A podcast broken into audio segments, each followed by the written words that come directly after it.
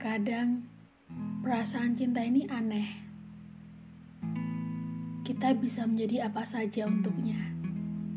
Kita ada saat ia butuh. Kita menjaganya seperti menjaga diri kita sendiri.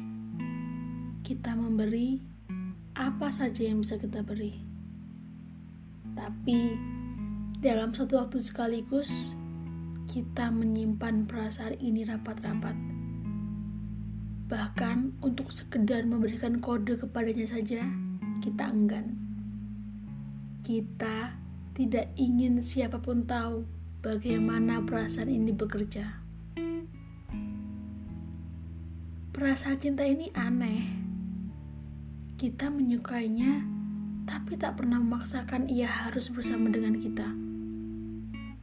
Lagi-lagi, kita menyimpannya rapat-rapat, sebab tak ingin perasaan ini diketahui oleh banyak orang.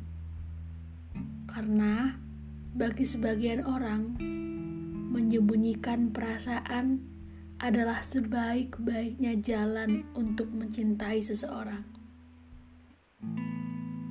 Sebagian dari kita memilih untuk tidak pernah berniat menyampaikannya. Kita tidak penolakan kita tidak menerima menjadi dua orang asing secara tiba-tiba.